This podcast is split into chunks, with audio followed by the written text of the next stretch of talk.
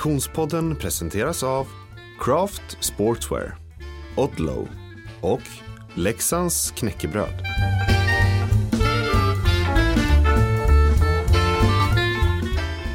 Hej och välkommen till Konditionspodden. Vi är framme vid avsnitt 11 denna nionde säsong och jag som pratar heter Frida Zetterström. Hej Oskar Olsson! Hej Frida Zetterström! Hur är läget? Jo, det är skönt. Ja. Kallt ute, varmt inne, men eh, krispig vinter här. Eh, jag älskar ju vintern. Ja, vem Eh, gör inte det? det, det, det slår mig två saker. Det ena är bara när jag är ute eh, nu och, och åkte mitt första skidpass igår. Eh, ska ut på ett, eh, mitt andra i, idag. Ja, Så det var premiär nice. igår. Och eh, det ena som slår mig är hur, hur vackert det är. Ah. Alltså även om jag är bara där i, i Hästra med snökanonerna som till stor del kanske har målat träna eller granar, sådär snötyngda som Mm. du brukar beskriva det. Och sen eh, så slås jag av hur, det var ju inte länge sedan det var, så hur fort det går innan Livets cykler. Ja, precis. Eh, nej, men jag, jag ser verkligen fram emot alla de här eh, stunderna som, som eh, jag kommer få uppleva nu med, med all vinter. Och jag brukar ju åka en hel del upp till eh, Sälen och lite olika andra orter. Vi ska till Gålå nu eh, i Norge där det är superkallt och, och supervitt. Så att, eh, ja, jag, jag älskar verkligen vinter. Ja, jag med. Jag sätter mig på tåget norrut också här på, på torsdag eh, för att få eh, vinterlandskap. Det ska bli väldigt härligt. Mm. Men eh, i dagens avsnitt så kommer vi ju gästas av två stycken atleter som kanske har sin peak när snön inte klär våra, vår backe. Ja, precis. De är ju cyklister. Eh, två stycken extremt spännande på vardera sätt skulle jag säga. Eh, den ena eh, kanske vår eh, mest eh, cyklist på sättet att hantera flera olika typer av cyklar. Han har ju verkligen varit framgångsrik i, i, i flera typer av olika, eh, alltså eh, gravel, eh, mountainbike, eh, linjecykel. Så att jag tror inte det är någon som, som eh, hänger med honom på alla tre så att säga. Eh, så jättehäftig i atlet och, och den andra är ju kanske den, eh, den hetaste skulle jag säga inom damcykel och eh, som har stått för en liksom häftig eh, resa just i utveckling. Att eh, börja med, med cykel så sent och, och bli så eh, duktig så snabbt. Så två superspännande atleter som, som väntar. Mm, vi ska släppa in dem i poddstudion alldeles strax.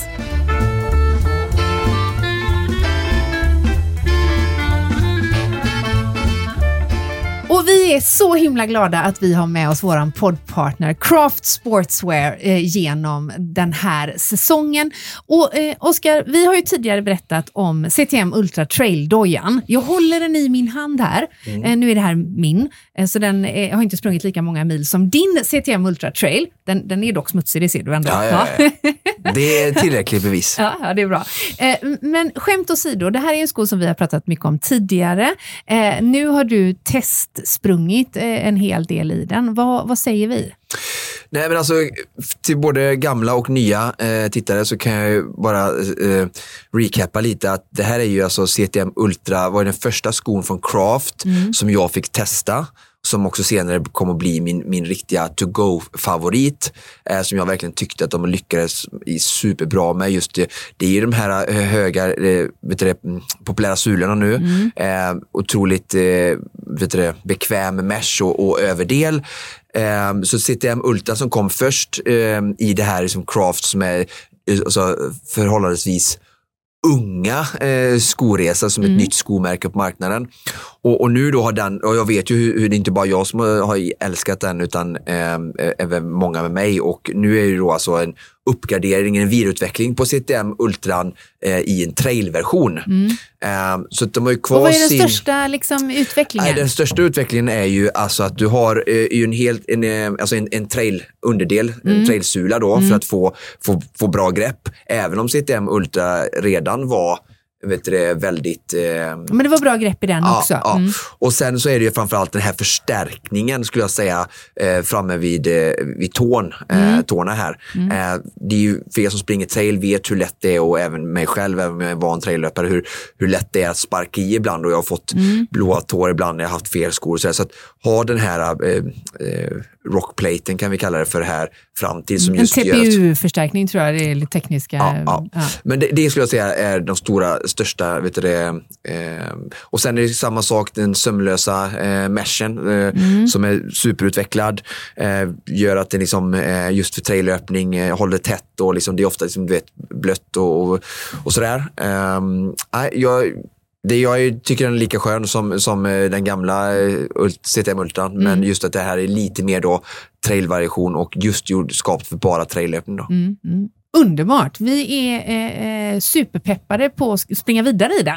Nu ser jag bara fram emot när de kommer med dubbar i den. Just det, ja, ja, det är bra. CTM Ultra Trail alltså heter dojan och vi säger tack så mycket till Craft Sportswear.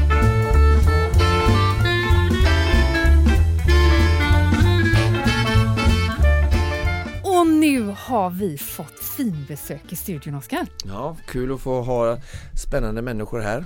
Äntligen säger jag bara. Och till dig som tittar på dagens avsnitt så ser du att det är trångt och gemytligt inne i poddstudion. Hej Tilde Hammarström och Rickard Arsén. Hej hej. Välkomna hit. Tack så mycket. Har ni cyklat hit idag undrar jag? Jag gjorde det nästan. Men jag var tvungen att cykla hem Ja, och ja. duscha lite och så tänkte jag. Okej. Ja. Ja. Ja. Ni är hjärtligt välkomna ändå och man kan ju konstatera att det, det är ju inte det mest cykelvänliga eh, klimatet i Göteborg den här eh, eftermiddagen. Nej, men för den eh, vintercyklingssugne så Mm. hoppas vi att kunna prata lite om vintercykling senare i avsnittet och kanske få lära oss lite nytt av eh, två som verkligen vet hur man anpassar sig när, när vinter kommer. Det är ju Mm. så att vi har ju fyra årstider i Sverige. Mm. Så. Onekligen, det ska vi vara glada för. Eh, eh, för eh, Konditionspoddens lyssnare, eh, trogna sådana, så är ju du Rickard ett eh, eh, ganska bekant ansikte. Det är länge sedan du gästade oss senast. Ja, det är snart tre år sedan. Ja, Eh, Så det, börjar, ja, det var väl ändå dags. ja men jag. precis. Avsnitt 27, eh, eh, säsong 4, för den som vill gå tillbaka och höra hela din cykelhistoria. Mm. Sen har du ju faktiskt stuckit in vid lite andra tillfällen eh, Mm. också, det är vi glada för. Men Tilde, du är ju faktiskt ett, ett nytt ansikte och röst för Konditionspoddens eh, lyssnare och tittare. Eh, vem är du i Cykelsverige, Tilde? Oj, det är väl en eh, bra fråga. Eh, men jag har inte cyklat eh, särskilt länge, utan det är väl ungefär två år sedan Mm. som jag bestämde Hon är vår nya att- upcoming star, supertalent. Ja, ja, ja, ja. Nu ska jag Ingen inte dra några stora, stora växlar här tror jag inte. Men, eh, nej, men det är ungefär två år sedan som Ja. jag bestämde mig för att eh, börja satsa på cyklingen. Liksom. Och varför då? Eh, nej, men jag kom väl in på det lite efter att jag hade en korsbandsskada. Mm. Eh, och då är det liksom det enda man får göra så är det att eh, sitta på en sån här motionscykel på ett gym, tantvariant liksom. Eh, och då sa jag att så här, jag ska aldrig mer sitta på en cykel efter det här för jag tyckte att det var inte så, inte så inspirerande.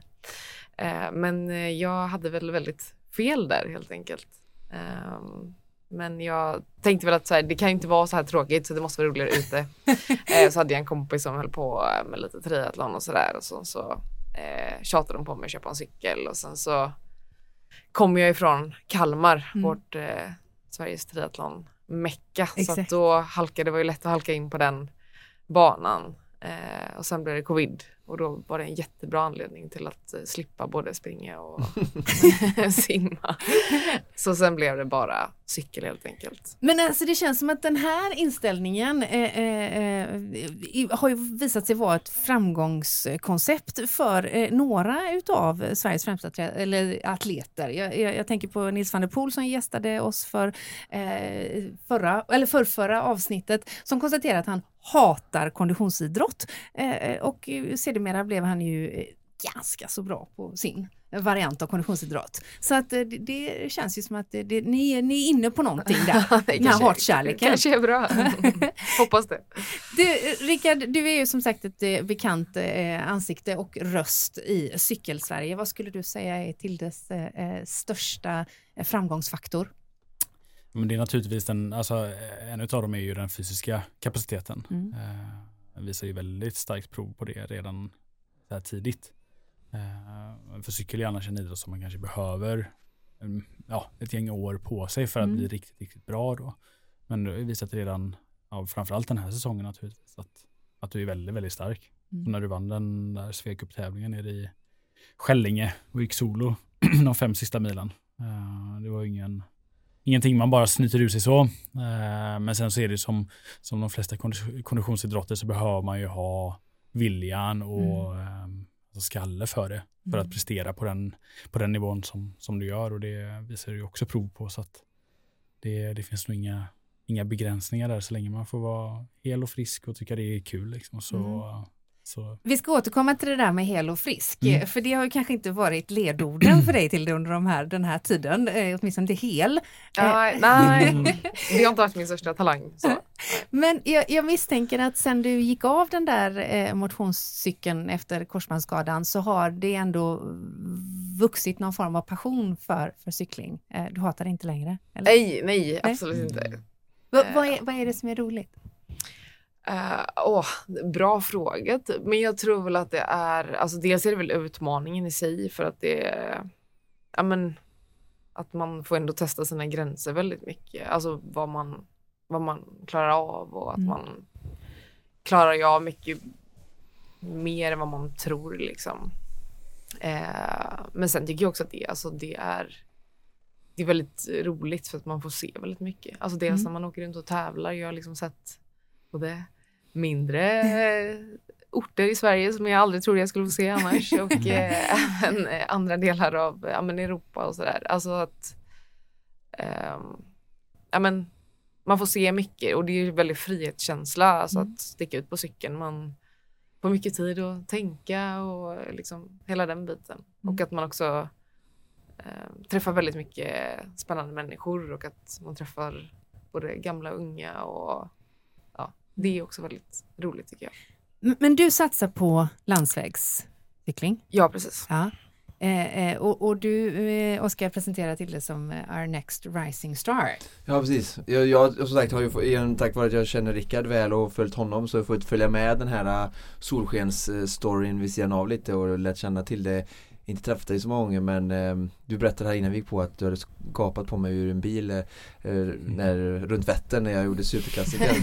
eh, men eh, skämt åsido, men jag tycker sagt att det pratas lite för lite om, om Tilde-fenomenet i cykelsverige. Så Svensk eh, tjejcykelsport har ju vuxit och, och fått mer och mer uppmärksamhet vilket är jättekul och mycket via Vårgårdas eh, lopp som går där, eh, världscuptävlingen där jag kommer ifrån eh, så, som är roligt. Eh, men just det här liksom att kunna ta sådana ohör, ohörda kliv och, Mm. och kunna ändå liksom mäta sig med de bästa tjejerna vi har i för Sverige. det här det är ju ovanligt. Liksom. Det är ovanligt att, att göra den här resan. Men vi har hört jag. att framgångsrecept, ett av framgångsrecepten var tydligen att eh, ägna sig åt eh, diskodans. Så, eh, vilket ser För det är din, det är din eh, liksom atletbakgrund eller? Eh, Ja, den har varit ganska alltså, sparsmakad på eh, konditionsidrottssidan så. Ehm, Du tävlar i diskodans. Ja, när jag Ja. var yngre. Alltså Mm. det var liksom fram till jag var 15 kanske. Ehm, men det är väl också det som känns kul med cyklingen att alltså, det går ändå att bli bra även lite senare. Alltså både att du la av och Mm. kom tillbaks lite Mm. senare. Sen är det ju en del faktiskt nu som har börjat lite senare. Nathalie Eklund till exempel. Mm. Ehm, det är också en inspiration att man ser att det går liksom att Mm. ta sig hon till får ett toppen. World Tour-kontrakt till nästa år och hon är väl 30 i alla fall? Eller? Ja men Ja. något, nu ska vi inte Så- men jag tror- åldern, ja, men, nej, nej, nej, nej, men det är ju väldigt klart att inspirerande, åldern liksom. Spelar, åldern spelar ju naturligtvis Ja, ja, och det är ju- det som är inspirerande att man börjar sent och ändå kan bli så. Och det som jag ska skicka ut en spännande till våra lyssnare just att, att eh, kondition är ju verkligen en färskvara Mm. och många i, i vårt avlånga land lider ju av alldeles för dålig kondition men Mm. det är väldigt lätt att vässa den. Mm. Ehm, och det ser vi lite här, cykling är ju faktiskt om jag jämför kanske med då löpning och simning mycket mindre tekniskt. Mm. Så där kräver kanske lite mer eh, bara liksom rena timmar och tid och det är klart att du har lagt ett otroligt jobb förstår man ju eh, alltså träningsmässigt och, och har en stark motivation att gå- genomlida det men, men det går ju liksom ändå, ja, som du säger, lyckas eh, på ganska kort tid och eh, sent in med tanke på teknikramen kanske inte är jättestora eh, initialt. Nej, alltså inte, inte gentemot mängden. Alltså det är väldigt skonsamt. Man kan träna mycket Mm. liksom, utan att... Gå sönder. Ja. Det Mm. var, ju- ja, det var, när jag testade triathlon där så gick jag ju sönder då väldigt Mm. fort. Ja. Då, löpning vart ju inte riktigt. Nej. Det funkar inte samma grej som med cykling. Man kan inte göra samma sak. Hur mycket som helst. Nej, prova inte det liksom. Man får beninflammation fort. Sen finns det ju eh, viss olycksrisk eh, med cyklingen.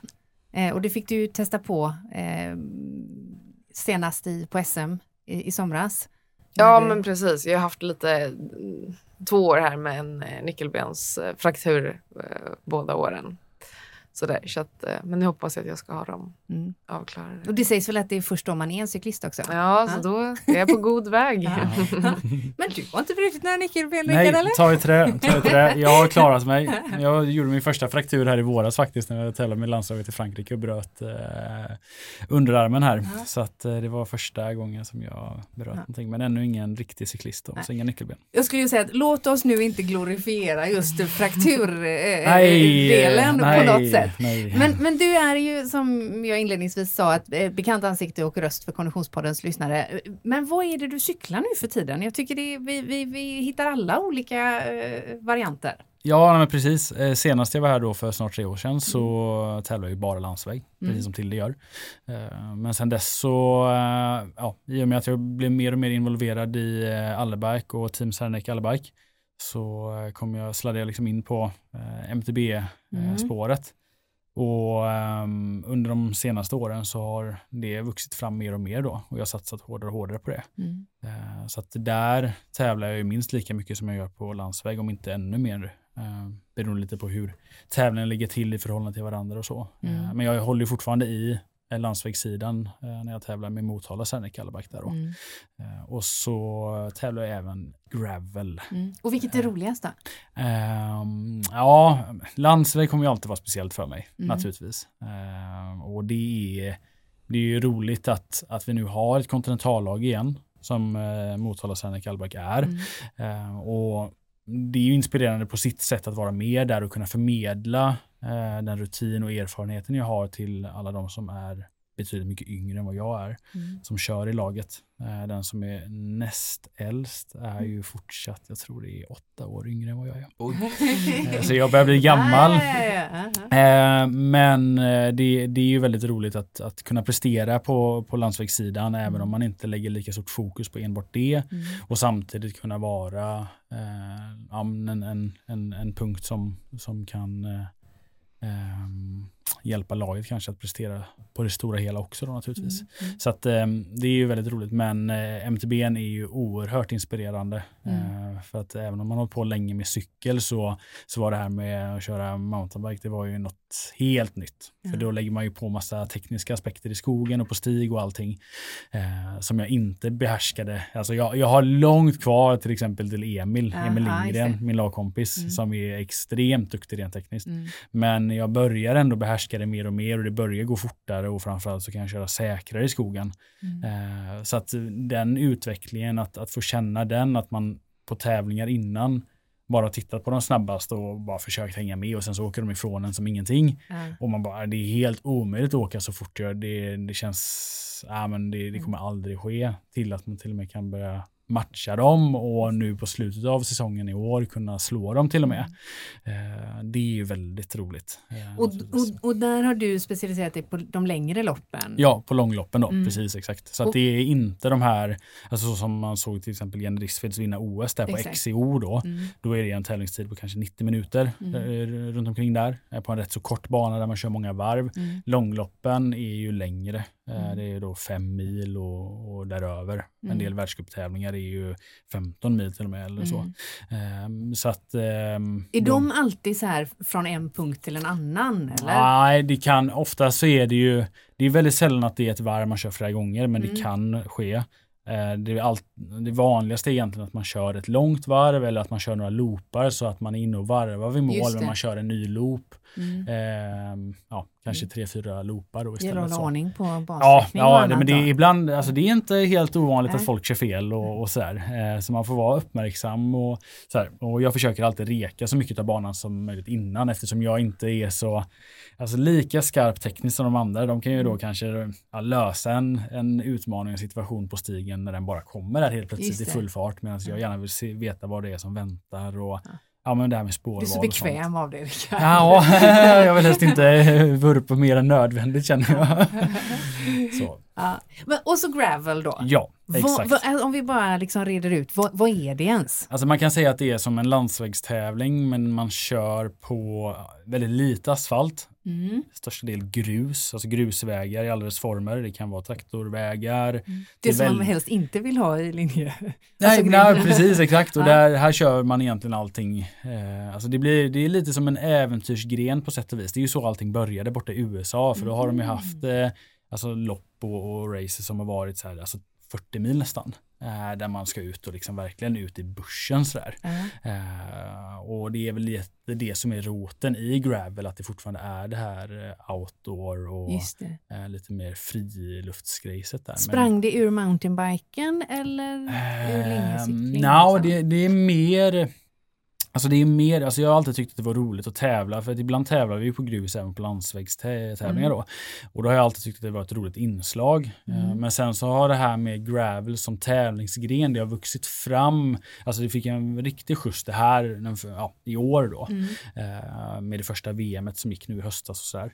Eh, Men, det, men det, det, det är en gren som passar mig rätt så bra med liksom mina fysiska kapaciteter och sånt också. Mm. Så det, det blev ju en kombination utav att det är en, en gren som är väldigt populär och i ropet just nu och att Mm. det passar mig eh, och eh, naturligtvis att eh, mina sponsorer med alla Mm. bike och alla de ja, också vill, vill liksom gärna synas i det sammanhanget och då eh, är jag mer än villig att bara köra för det Mm. är skitroligt. Liksom. Ja men det här är alltså då inte cykelcross för det var det jag Nej. så här, för våra lyssnare, för jag har verkligen så här sett den här sporten verkligen flugit i min radar och jag tycker ändå att jag håller mig ganska upplyst. Så Mm. när jag såg det dra iväg till Sevilla så det var så här, någon så här, ja men det är cykelcross eller, fast jag tänkte typ att, ja men det här är, jag visste ju att det inte var VM för det är så vanliga cykelcross där Ja. de värsta kör men jag tänkte att det kanske var typ som långloppskuppen för mountainbike du Ja, förstår ja, liksom ja, sådär. exakt. Så det här att gravel är något helt annat än cykelcross. Eh, där man kör liksom lerpölar, hoppar Mm. av mycket, springer med cykeln upp och ner och Mm. kört i, Ja, precis i Precis, det och där är kör de ju ett annat. Så det är ju en fjärde avknoppning av Ja, ja, gud ja. Det finns ju så mycket eh, olika konstiga cykelgrenar nu mm, för tiden. Eh, men det är, ja. Vad, vad skulle du säga om, om vi håller oss där en liten stund för att Mm. ni är ju båda två ambassadörer för sporten i stort, Mm. verkligen. Eh, är, är det, det finns ju något positivt såklart i att det finns många olika infallsvinklar och man kan göra mycket och man kan hitta sin, sin liksom, eh, gren som passar en. Mm. Men en negativ aspekt skulle kunna bli att det blir lite spretigt och svårt att ena. Eh, vad, vad, hur, hur ser ni på det? Alltså, jag, jag tycker ju så här att alltså, om, man, om man tänker att man ska tävla det på elitnivå så är det Mm. klart att om man ska köra allting samtidigt så det kräver ju väldigt mycket. Mm. Alltså det kräver mycket planering och det är väldigt mycket hårt jobb när det är intensiva tävlingsperioder. Eh, för du får ju egentligen inget break för att det kommer alltid överlappa på något Mm, sätt. mm. Eh, Så jag tror också så här, det kan säkert, alltså, sen tror jag att så här, fler grenar får liksom mer intresse och då är det Mm. kanske att man halkar in på en annan gren. Så att jag tror att som att, typ, att gravel blir stort. Eh, det Mm. kanske känns lättare steg att börja tävla gravel för många som kanske är rädda för det här med att det känns läskigt att det går så fort i klunga på vägen Exakt. och då kanske vi får in fler som vill börja tävla landsväg och Och mountainbike kan ju också vara lite läskigt för, ja, gud ja. eh, för många som Ja. åker på stigar och stenar och ja, gravel är mycket mer snällt. Och, Ja. ja men och tvärtom också för det är många, många yngre börjar ju med mountainbike. Mm. Det är också lite så vem vill släppa ut sin 12-åring i trafiken, Mm. alltså på en landsväg. Det är ju så. Så det är ju, och jag tror att så här, ja, men jag tror bara att det egentligen gynnar. Ja. Mm. Mer än att det skulle kunna vara stressigt för dem som känner ett, ett krav på att behöva tävla i alla grenar. Nej, Liksom. och jag tycker det är väldigt skönt för min egna satsning att ha nu alla de tre olika grenarna. Ja. För att det kan ju bli rätt så enformigt om man bara ska ut på vägen och så Mm. kör man sina intervaller och det är i princip samma runder och man Mm. kör samma vägar hela tiden men vad, vad säger dina kollegor? Varför gör inte Emil Mm. likadant? Ehm, Jag tänker så här, jag ser på E2 lite Mm. så här, Han är ju som såklart uh, king of mountainbike liksom. Ja. Sen har han Ja. ju kört lite linjelopp, kommer ihåg för många år sedan. Jag har kollat på honom, sådana här kriteriumlopp innan. Han är sprintig och snabb och väldigt så här, så här Mm. eh, rörlig liksom. Så han kan säkert vara duktig på att spurta och sådär. Men han, han har ju som inte kört riktigt så några, några crossovers. Så jag tänker lite på ålderns höst. Om man Mm. tänker på, men får säga att ni är lite äldre. Så, och gå till mig själv att det här med att variera lite kanske kan vara det också som håller kvar uppe motivationen. Mm, mm. liksom att ni Absolut. har hållit på extremt länge och varit duktiga och Ja. sådär. Och för att liksom suga lite till så kan det hjälpa. Men Mm. Frågan igen då, dina cykelkollegor så som Emil, varför gör inte de det? Tycker de att du är knäpp? Eller tycker de att Eh, ja det du gör är ju, det är ju helt rätt men jag hade aldrig pallat. Jag ska ju tvätta två cyklar eller ska ha koll på ännu mer grejer eller ännu mer tävlingar eller, Ja, men det, det kan eller ta det från deras prestation i mountainbike. eller? Alltså det, det, jag, jag tror väl att det skulle, skulle kunna vara så att, att man är rädd att, att man blir för spretig. Eh, nu vet jag inte alls hur det är med, för Emils del. Och jag inget tror att, ni om. nej, in, Nej. inte alls så egentligen för att ehm, alltså dels är det man har så fullt upp med sitt egna på det sättet så att man brukar inte ifrågasätta den andres val. Eh, men jag, jag kan ju tänka mig liksom utifrån hans perspektiv, han, han känner ju att han, han vill ju verkligen fokusera på, på mountainbike-tävlingar och då kör ju han, man kan ju säga att han kör dubbla vad ska man säga, Han satsar dubbla där. discipliner där också Mm. för att han kör ju XCO, inte den här korta som inte Mm. jag gör, Nej. så kör han långlopp också. Mm. Så att han har ju väldigt intensivt där. Mm. Eh, så att där skulle man ju redan nu Och behöver träna olika förmågor liksom. Ja men precis. Eh, Alltså, jag tror också om mm, inflikning att det- alltså rent tävlingsmässigt är det svårt att få ihop det för att Ja. tävlingarna går samma helger. Ja. Så det är ju en stor grej också, typ så att XCO'n går inte samtidigt som landsvägen. Så att Emil, både du och Emil har ju typ tävlat varje helg hela sommaren. men du, Men du, de, de går det- inte samtidigt som långloppen nej. Nej, XCO, nej men XCO'n och landsvägen går ju samtidigt. Ja, precis. Menar Så jag. att det- Alltså, det det, går att blir, det går ju inte liksom. riktigt kombinera alla grenar Nej. heller för att det blir fullt i Men jag, jag är ju helt med liksom. på det där som att man ska få inspiration och eh, lite motivation för att det känner jag är väldigt, väldigt viktigt för mig att, att få ehm, alltså jag, jag kan åka ut och köra ett pass på MTBn i fyra timmar Mm. och bara tycka att det är skithäftigt Mm. och det ger jättemycket. Medan i vissa perioder så kan ett fyra timmars pass på vägen vara det tråkigaste jag vet. Mm. Eh, och då har ju det gett mig en, en helt ny en nytändning kan man säga. Mm, mm. Eh, att kunna sticka ut på, i, i skogen på stigen och inte behöva fundera så mycket på siffror och sånt utan jag Mm. behöver bara för att ta mig fram och ta mig upp Exakt. för den här backen så behöver jag ta i så mycket jag kan men jag har inte ens reflekterat över att jag tagit i utan jag har varit så fokuserad på att inte Mm. köra på en sten eller en rot eller så. Mm. Eh, Så att det har nog, som du var inne på, alltså det, det har ju gett mig mycket, mycket ny energi in i min karriär. så. Ehm, Och jag tror att, jag har ju känt att det, det har ju gett min landsvägssatsning väldigt mycket också. Naturligtvis. Mm. Både Gustav Larsson och Keskakoff kommer ju från mountainbike så vi Ja, har ju sett ja. eh, Mm.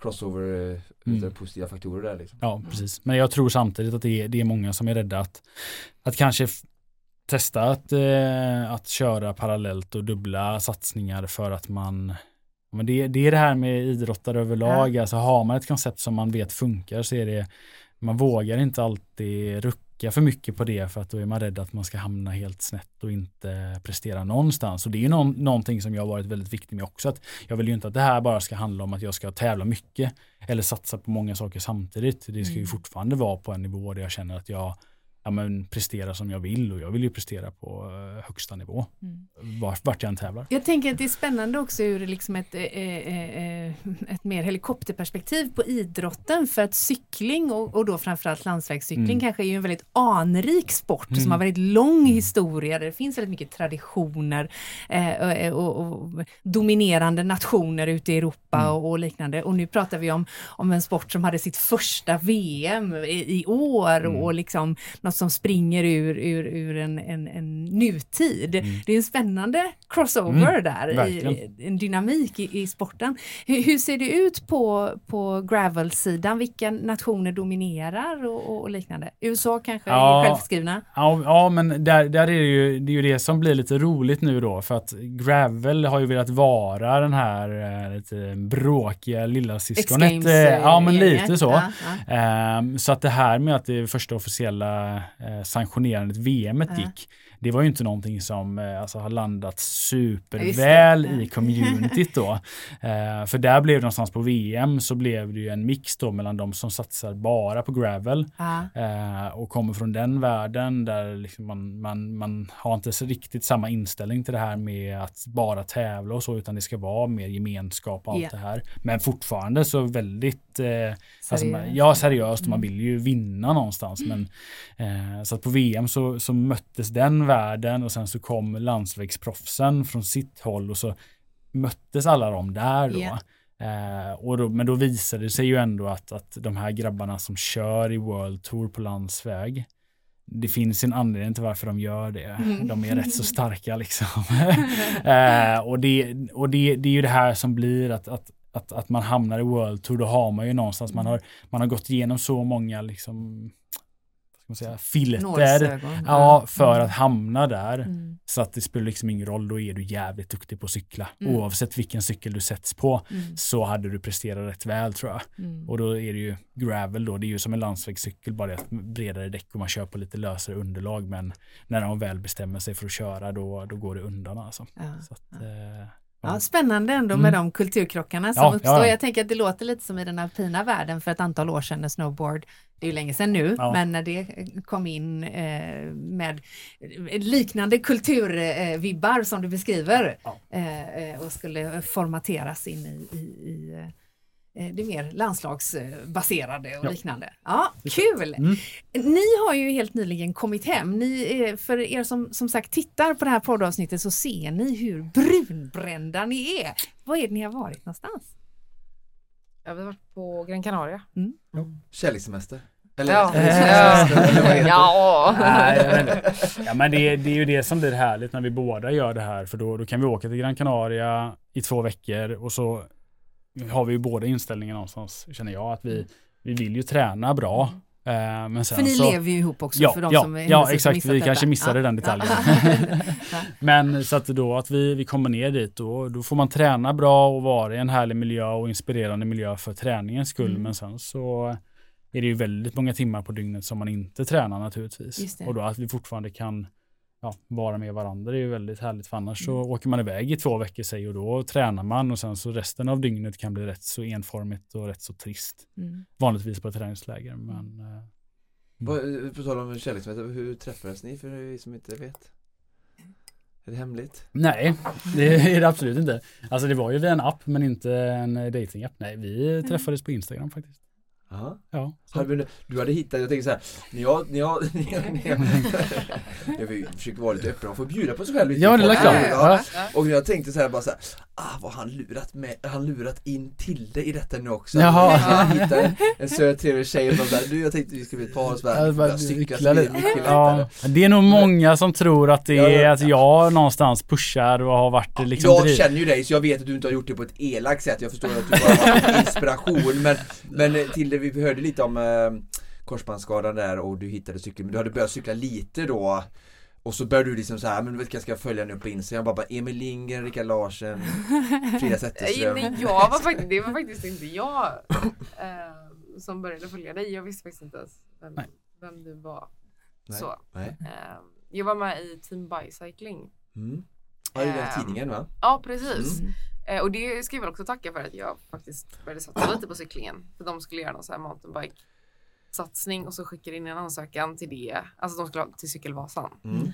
Eh, och sen så ringde Daniel Breeze som är chefredaktör där och bara ja men så här, ja men har du cyklat en mountainbike innan? Och jag bara nej.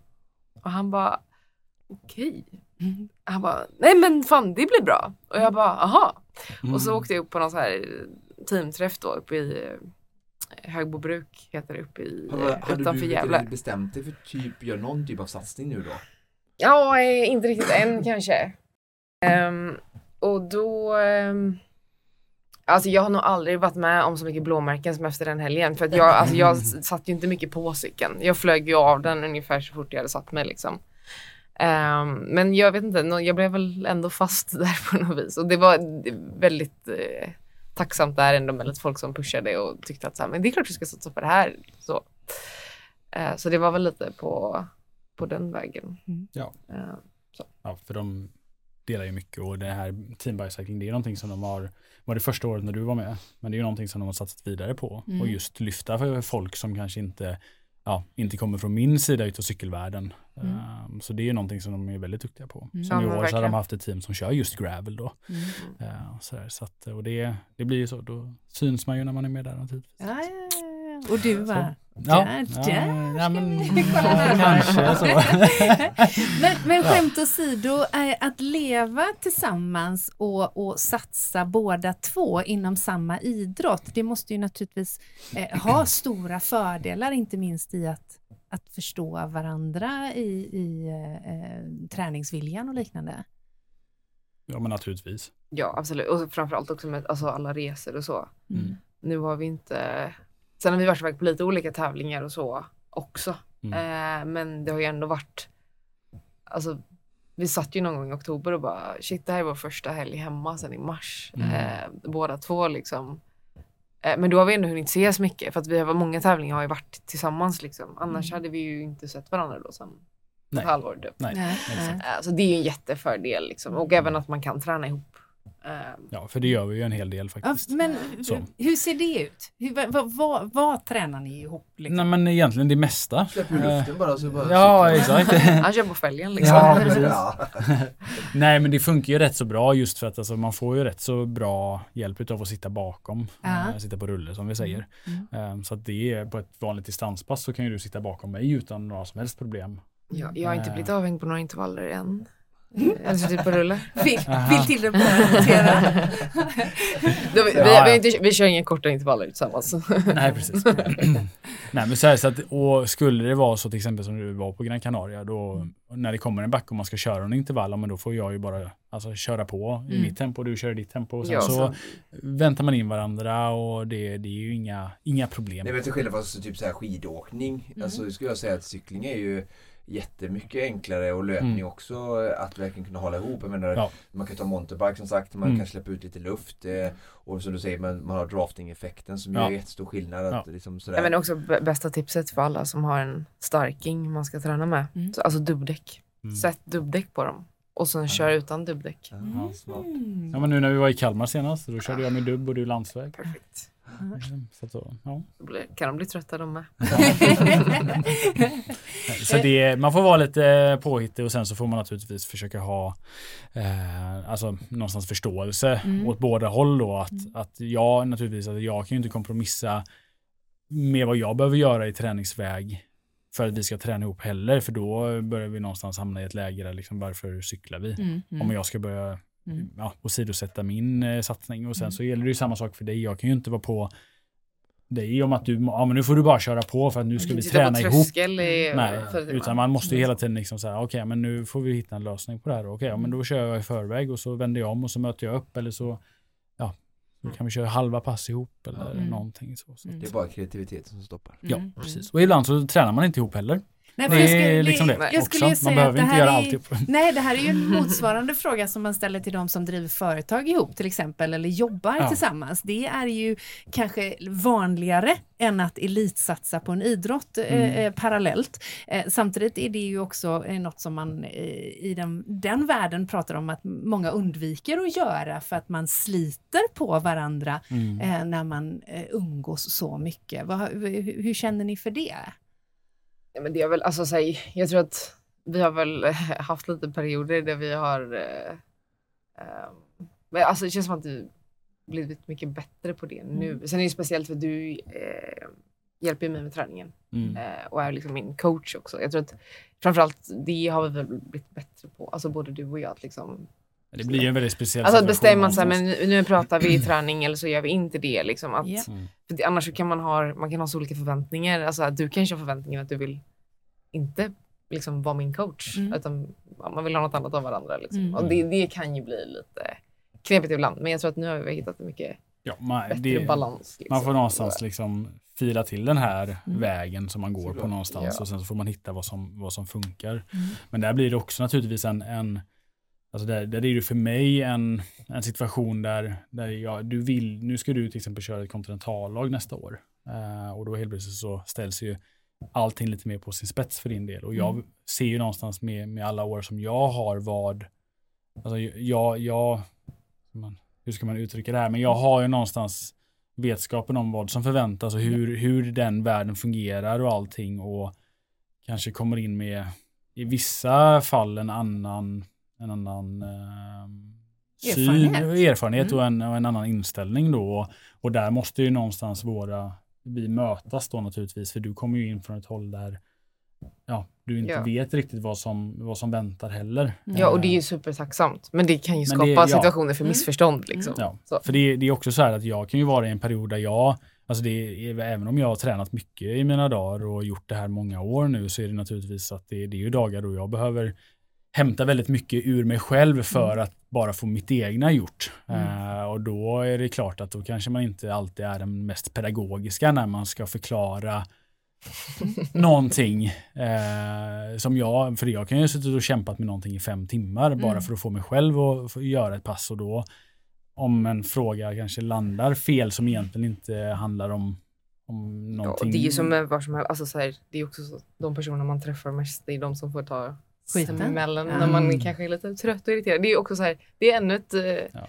Det är ännu en det- situation där, man, där två stycken är Ja. liksom så, man är energilåg, låg, Ja. alltså så här, Men det är ju det också som, som om man då ska ta på sig den coachrollen då, Mm. då förväntas man ju ge någonting av sig självt också. Det vet ju du Oskar, liksom, Ja. som coachar, liksom, att man ger ju någonting av sig själv. Och det är inte alltid, ja, och det är inte alltid man har det till övers då. Nej.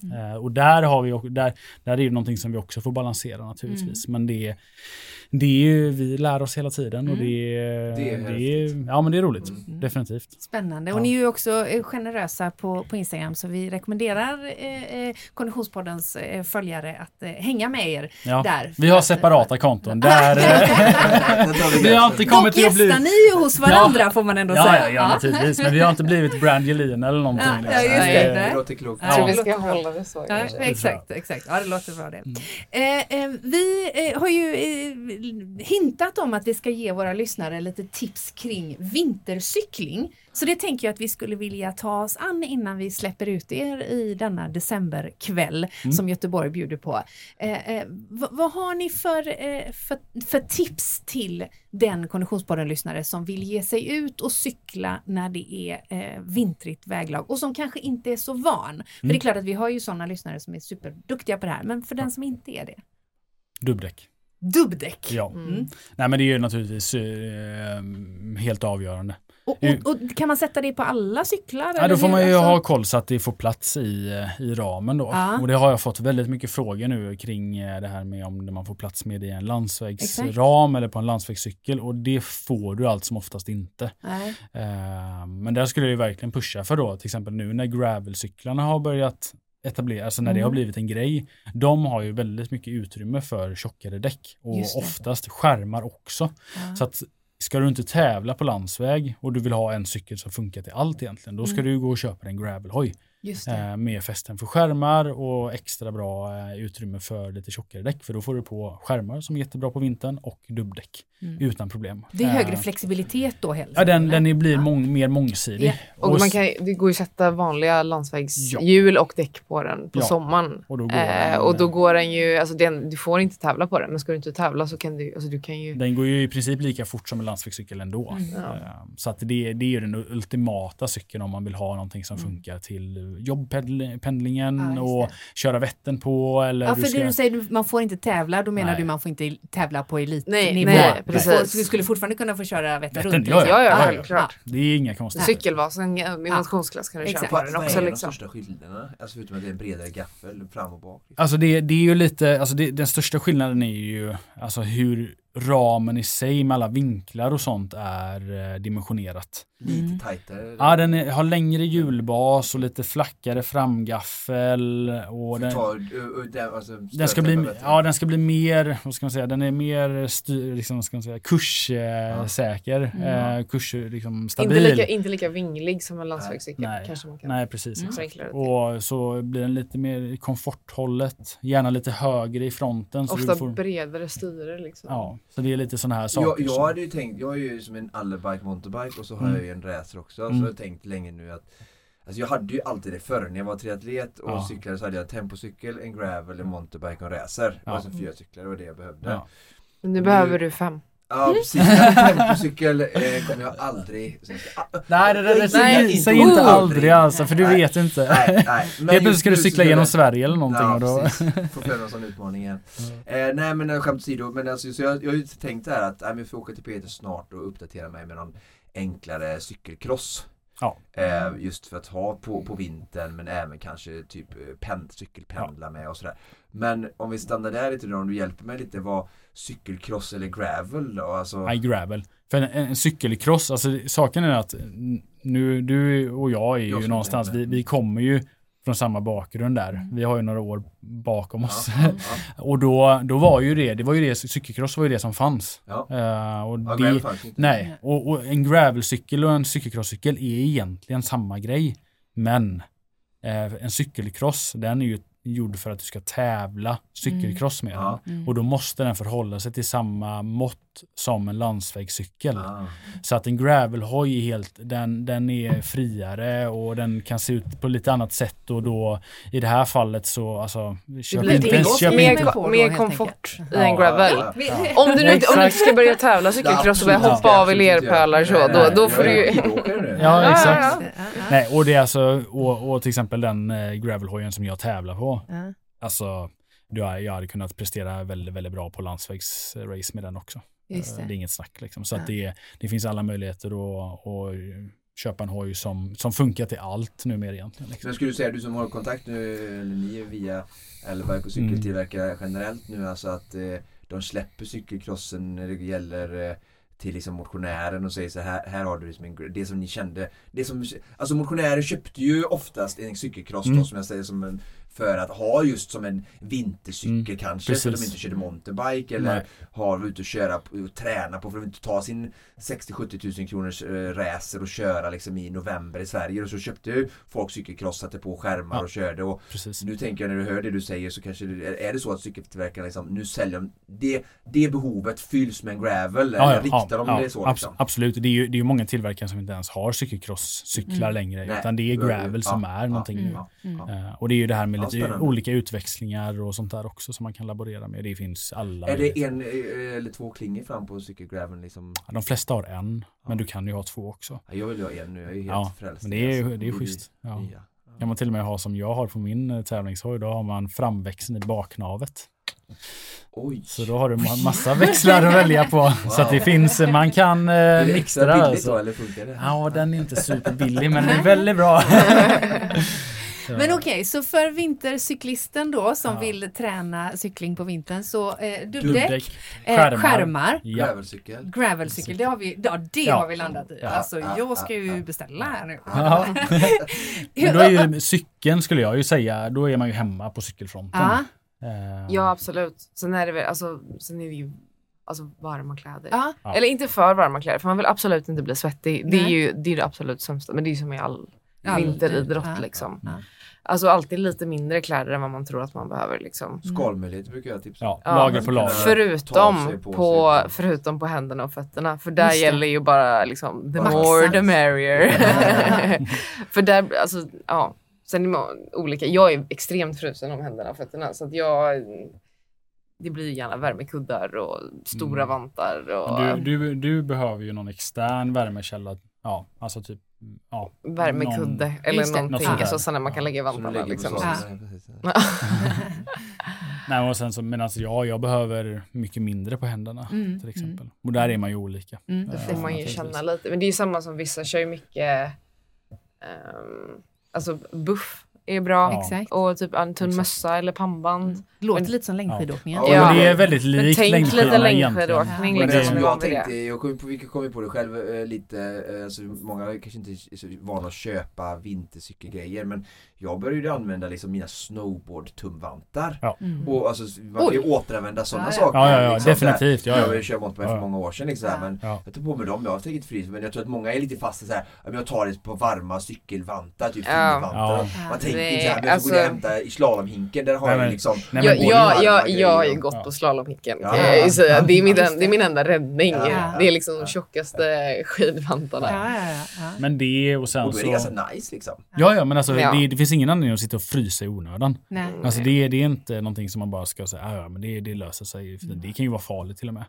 Men lägger ni upp träningen annorlunda för att det är vintercykling? Alltså, kör du andra intervaller eller liksom? Vad, hur, Ja, det, är, det, är ju, det är ju inte så mycket av liksom att det är just vinter Nej. som sådant utan det är ju mer att det är Var den här tiden på året Mm. då. Mm. Eh, Förutom att man kanske väljer att köra, alltså som nu, typ idag när det är ner mot nästan 10 minus. Ja. Alltså, då drar man sig ju för kanske att köra intervaller Ute ja. utomhus Ja. utan då kör man gärna dem inne för att det blir ju inte så skonsamt mot luftrören. Nej. Nej. Precis. Och, och skulle det vara för jävligt ute, alltså antingen att Mm. väglaget är dåligt eller att eh, det är för kallt eller sånt, då, då får man flytta om lite träningen. Så man, Ja. man lägger passerna som man gärna kör ut någon annan dag Mm.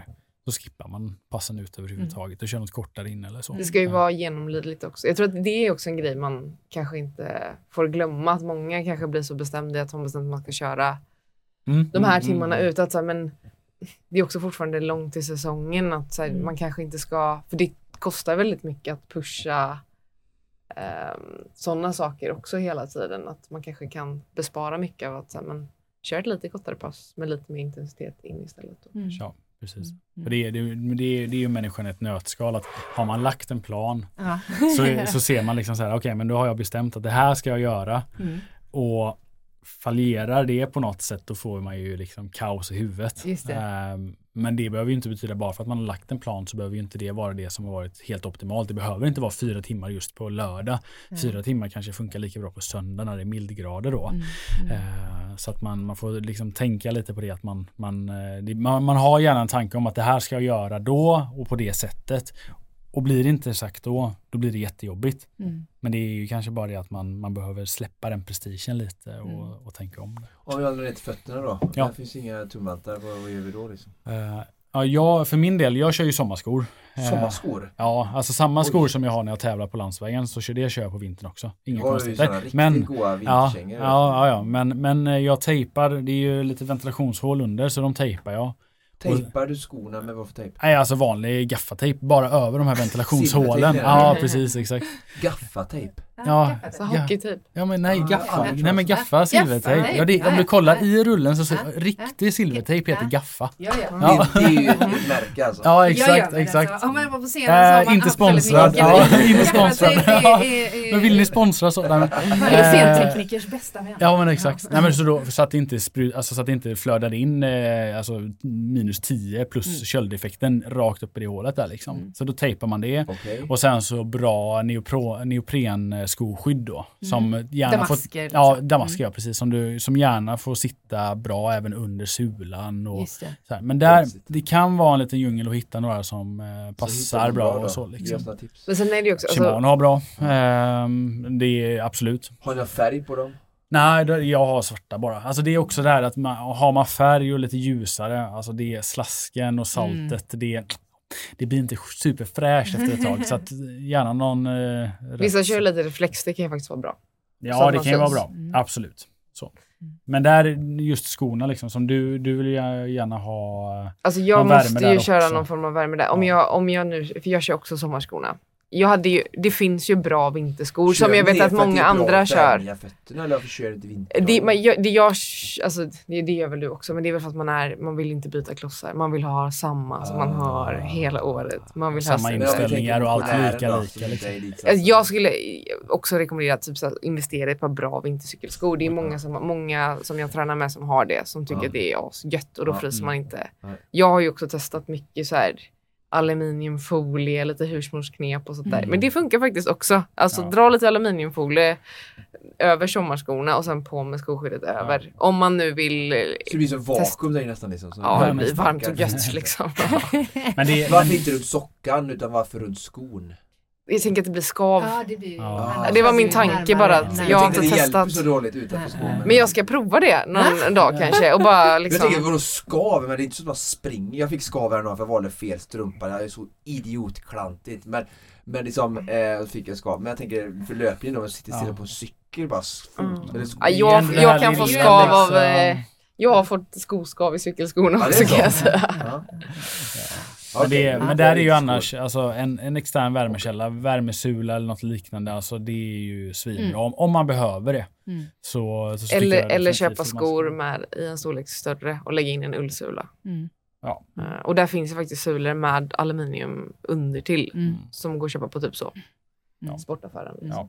Nej, det, det finns eh, massa, massa knep, men det, det viktigaste är egentligen att ha skoskydd som, som är tjocka, som isolerar, som, är, ja, som stöter av bort vätska naturligtvis, Ja. så du inte blir blöt. För det, det är liksom vintercyklingens grundregel. Blir du blöt så har du problem. Så cykla hem. Ja, då, då har du fan problem alltså, för då spelar det i princip ingen roll vad du har. För att blir det gärna lite kallt helt plötsligt, då, då Ja. fryser du så in i alltså. Så att du ska hålla dig torr och hålla dina kompisar torra, så långa skärmar. Ja. Vet du det, om vi, det var vintercykling, om vi går över lite på vinterträning här nu då. Jag hörde att du var på gymmet idag, du har cyklat fyra timmar ute. Mm. Du är hennes coach. Vad, vad gjorde du på gymmet idag till det? Någonting som vi kan få ta del av? Jag körde lite marklyft, hedliga, så. Mm. Och lite knäböj. ja. Och sen lite, lite planka. Och sen blev det några armhävningar, men det är mest bara för att mina stackars nyckelben ska komma tillbaka till eh, sin Nästan. tidigare funktion. ja, det är en bit kvar där. Mm. Hur tänker ni kring styrketräning? Superbra. Mm. Och, eh, alltså det, det, är- det är ju, alltså nu, nu pratar vi ju en podd där, där vad ska man säga, lyssnarna är en väldigt spretig skara. Eh, så att, så att eh, om man tänker, alltså ur ett hälso, hälsoperspektiv, superbra naturligtvis. Eh, och även ur ett eh, prestationsperspektiv för våran del Mm. så är det ju super, superbra. Eh, ingen av oss, som vi nu, vi, vi gör ju lite så här kroppssammansättningsmätningar Mm. eh, här på eh, universitetet. Och ingen av oss lider av benskörhet, men det kan ju vara ett problem annars om man bara cyklar. Eh, Mm. och där hjälper ju styrketräningen till. Liksom. Eh, för det, det tycker jag är superviktigt att man har det i bakhuvudet, att, att man ska hålla för ett liv och inte bara för eh, idrottandet. Då.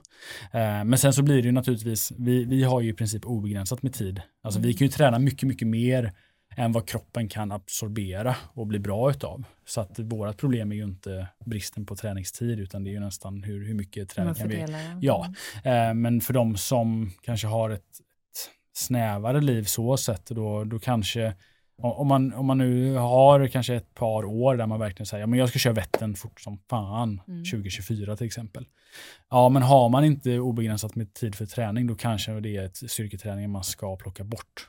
För Mm. det är så här att tränar du inte tillräckligt mycket cykel så kommer du inte, då kommer du inte ha nytta av styrketräning på cykeln. Och jag Mm. tror att om man, om man kommer ifrån ett eh, skapligt tränat läge så har man råd att, att eh, tulla lite på den allmänna hälsan i ett par år så sett. Liksom. Mm. Men för våran del. Skulle du säga att cykling, eller jag vet att du har ju läst liknande saker som jag och sådär, skulle du säga att cykling ju för ren prestation, vare sig motionär eller elit, har styrketräning mindre inverkan där för att en elitidrottare i löpning skulle ju aldrig eh, ta bort styrketräningen, Nej. alltså för att bli för Mm. bättre prestation, inte för att han inte hinner eller inte, men han skulle alltid ha med styrketräning för prestation, skulle du säga att cykling inte är lika avhängt liksom för att kunna liksom, lyfta 10 watt till på tröskel genom att ha en bra styrketräningsperiod liksom. Alltså, jag, jag tror ju definitivt att, att eh, de flesta skulle ha eh, en stor nytta av att styrketräna. Verkligen. Oavsett egentligen. Eh, Men det blir ju till en prioritering. Alltså kommer den här då kanske två timmar i gymmet som du behöver lägga i veckan Mm. för att du ska få någon effekt av den träningen. Innebär det att du cyklar två timmar mindre, Ja. Då tror jag det är bättre att du cyklar två timmar om det inte är så att du redan cyklar 15 timmar i veckan Mm. eller 10 timmar i veckan. Är det så att du bara har en timme per dag att träna, då tror jag du ska cykla den Mm. timmen. Mm. Eh, Men det, Men, det är ja. väl de idrotterna som är så, kräver sån grenspecifik träning i sån mängd? ja, det är det som är problemet. ja, liksom. ja. Men för våran del så är det så här att om, om Jag tror också att för vår del så handlar det ju om att alltså, tränar man så pass mycket så är det ju också att styrketräningen blir viktig för att kunna orka med den, den träningsdosen och inte Mm. för att liksom, för sko- cykling är väldigt skonsamt så. Men jag tror att det också handlar mycket om att orka med att så, sitta i den positionen så många timmar och Mm. att man liksom inte drar på sig skador där. Och framförallt också att om man går i backen, Mm. att då kanske man håller lite bättre Mm. om man har styrketränat. Mm. Precis. Jag känner det i skogen. Det Mm. blev ju en väldigt sån reality check för min del. Alltså att då, I början, alltså, jag var ju helt förstörd för jag var inte var liksom så van vid att man ska jobba så mycket med överkroppen. Så där har det varit superviktigt också att jag har jobbat upp en, en styrka och en uthållighet i överkroppen för att orka med. Så att, Mm. eh, ja, jag, jag tror att de, de, ja, om vi ska liksom någonstans koka ner det så, så styrketräning i alla konditionsidrotter egentligen. Eh, Ja. alla har någonting att, att vinna i att, att eh, hoppa in i gymmet och, Mm. och köra. Och jag, jag tycker inte man behöver vara så, göra det så komplicerat. Alltså jag, jag kör bara mark och chins typ. För jag, jag har hittat det liksom, det, om, jag, om jag kör sex set med marklyft och så kör jag chins däremellan, eh, då har jag ett pass som kanske tar en timme. Eh, men då vet jag det att det, det är inte jobbigt för mig mentalt och det är inget som är komplicerat och jag blir inte speciellt sliten av det men det ger väldigt mycket. Så jag går in och kör det och så kan jag göra det liksom månad in och månad ut och jag behöver inte fundera så mycket på det utan man, man behöver inte göra det komplicerat för det tror jag också är en sån Mm. grej man gärna gör, att man, man gör styrketräning väldigt komplicerad och att det ska bli ett väldigt långt och jobbigt pass. Liksom. Men ibland så här när, man, när jag kör vissa styrkepass, alltså jag är lika fräsch när jag går ut därifrån som när jag gick in. Mm. Så att man ska inte heller ta med sig den här konditionsinställningen att man ska gå in och köra styrketräning och, Och vara helt liksom helt så. exakt som man är Mm. utav ett hårt intervallpass. Mm, mm. Eh, för man kan gå ifrån gymmet utan att man egentligen säga, gjorde jag något vettigt Ja. Men gör du några tunga så- lyft så Och så risk för att adrenalinet uteblir då. Och, eh, Mm, eh, ja. ja, mm. Så, så det är väl egentligen det man, eh, man kan ta med sig. Att det behöver inte hela tiden vara det här eh, no pain, no gain och Nej. att det ska liksom grisas på. Så. Vi ska släppa ut er i decemberkylan. Eh, eh, vad, vad väntar härnäst för, för eh, Sveriges Jag eh, vill veta vad snabbaste cykel? 2023. Exakt. Just det. Vad händer för dig? Eh, ja, men jag har faktiskt fått ett eh, kontinentalkontrakt som känns, känns jättekul. Så Är det, det blir svenskt, är det danskt, är det eh, det är brittiskt. brittiskt? Mm. Så att eh, det känns väldigt kul. Så det blir eh, förhoppningsvis tävlande eh, en hel del i Europa Coolt. Och nästa där år. måste jag bara flika in. Alltså där är ju jag, vi snackar om det här med vad, vilka grejer det är som gör att du presterar Ja. och liksom som är, vad ska man säga, USP på något Mm. sätt. Så det, och det är ju att du har ju löst det här med det laget helt själv. Mm. Att du är väldigt driftig så. Eh, För det är också en, en del utav Ja, det här med att idrotta på den här nivån. Att det är väldigt mycket runt omkring. Det är sponsorer och det är lag och det är resor och det är liksom att bara cykla. Det är en väldigt, väldigt liten del. Mm. Att du har löst det och allt med vad kontrakt heter och kontakter med dem och, och liksom ragga lag och allt det här. Att du löste det själv. Mm. Så. Eh, Det visar ju också på att man har någonting mer där än, än bara hojandet. Liksom. Så att det, är- det är ju coolt. Spännande. Ja, men så det blir kul. Och innan dess blir det väl lite eh, träningsläger i värmen är väl planen. Mm. Några När- när är vänner. första tävlingen eller typ, eller har ni ett program? Eller? Eh, det blir nog i mars, som Mars. det ser ut. Mm. Eh, vilken helg är väl inte riktigt satt. Hur det är några många olika. Så. tjejer är det i laget? Som tävla? Oh, jag tror att det är väl typ klart nu. Mm. Eh, Är det. 5 eller 50 liksom? Ja, nej men som eh, strax över 10. Strax över 10? Ja. Mm. Mm. Coolt. Är det så att eh, har ni lite, lite en invald med lite olika liksom, kvaliteter så att eh, ja, någon spurtare som det brukar vara och några som är hjälpryttare? Ja men absolut är det så. Mm. Ehm, så. Sen är det det laget jag kommer köra för som heter Avol eh, Oshia. Mm. Ehm, de alla eh, gör något annat vid sidan av cyklingen också. Eh, De Mm. flesta pluggar. Eh, så att de är väldigt så eh, att man ska kunna ha dubbla karriärer. Att det ska, Mm. ska kunna vara liksom en, Mm. en, eh, ett sätt att kunna ta steg vidare i sin idrottskarriär. Liksom. Och det, det känns också väldigt rätt för min del eftersom jag fortfarande pluggar vid sidan av cyklingen och sådär. Ehm, så att det, Mm. det känns väldigt kul och det ser jag verkligen fram emot att Kul! lära känna de andra och få det kan komma inte vara många ut svenska tjejer som cyklar för kontinentallag eller? Ja men det är väl en ehm, i Sverige alltså? fem, tio stycken eller någonting tror jag. Eh, nej, men det är väl inte... mm, Sånt. Mm, alltså det är ett, ett överslag, ja precis. Och sen så är det Julia och sen så är det Caroline. Sen är det Karin. Ja men säg att det är mellan fem och tio stycken. Mm. Men jag tror Mm. inte det är tio stycken. Ja. Och sånt där. Så det är ju inte, det är inte många. Nej, Eh, häftigt.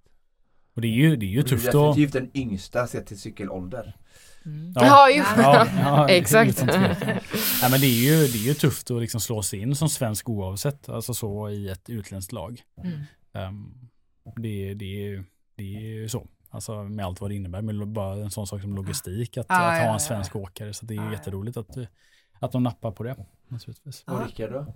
Jag kör ju på som jag gjorde i år. Mm. Så det blir Motala, eh, sen kontinentallag? Ja, Ja. precis. På landsvägssidan. Mm. Eh, så Men mycket det man har ju lite hinner. Och, tävlingsschema så du behöver rätta dig efter lite. Och... Nej, jag kan ta med idag gubbar, jag ska köra mountainbike. Ja men det är li- alltså utan att vara sån så är det ju så det funkar. Eh, att eh, att jag, nå, någonstans är det så här, alltså, det, det, och det har jag varit väldigt tydlig med där att, att under eh, covidåren där så eh, Peter och Alle och alla de på Alleberg de var ju väldigt stöttande och såg ju till att jag till exempel fick skulle genom Sverige eh, tillsammans med Mara där. Eh, att de, de stöttade upp väldigt mycket där eh, och de fick ändå någonstans med mig in på det här med mountainbikandet under corona liksom för att man skulle få en nytändning och stöttat upp jättemycket. Så att det är ju, där har jag varit väldigt tydlig att, att någonstans är att jag, jag är trogen dem till 110 procent. Mm. Mm. Eh, och landsvägsgrejen, det, det tar vi eh, absolut på, på stort allvar och till, till liksom helhjärtat också. Men, men behöver jag välja så är det långloppen på MTB som kommer prioriteras. Mm.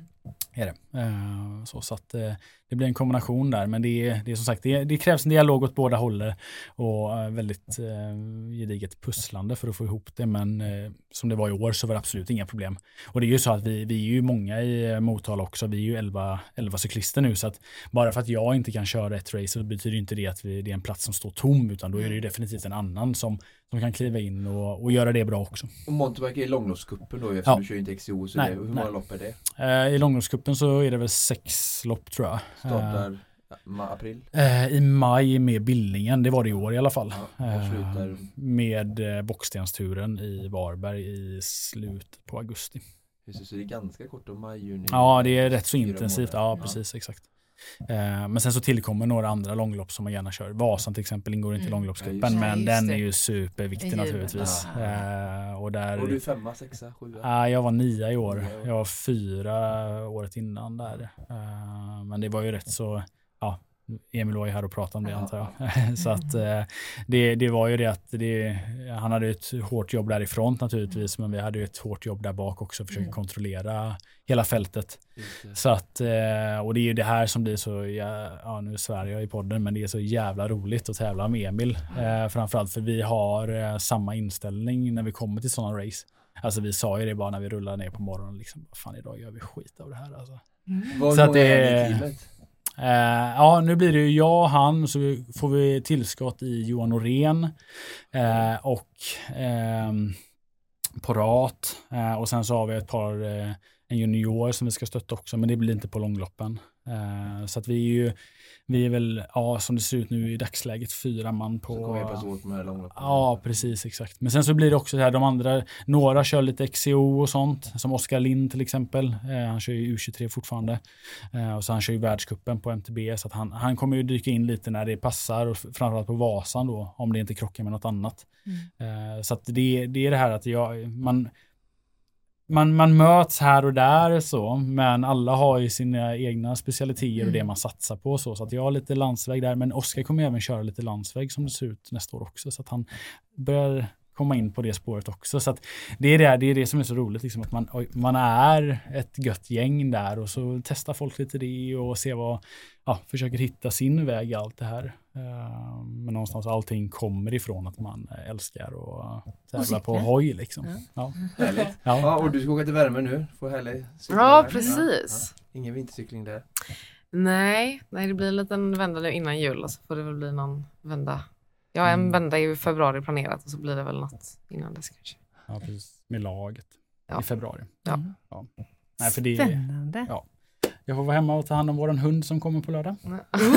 Så det är nästa, nästa stora grej för eh, hushållet AB. Det är att vi får en liten vovve här. Så det, blir, det blir separata träningsresor i januari. Ja, det, det lutar åt det när vi ska ta hand om valpen på något vänster. Där. Spännande alltså. Ja. ja, underbart. Stort tack eh, till och Rickard för att ni gästade Konditionspodden. Tack. Tack eh, själva. Vi kommer att följa era respektive karriärer med eh, spänning framöver. Mm. Men det här, kära Konditionspodden-lyssnare, var allt vi hade att bjuda på för det här avsnittet. Precis som vanligt produceras Konditionspodden av Fredag. Connect Brands with People.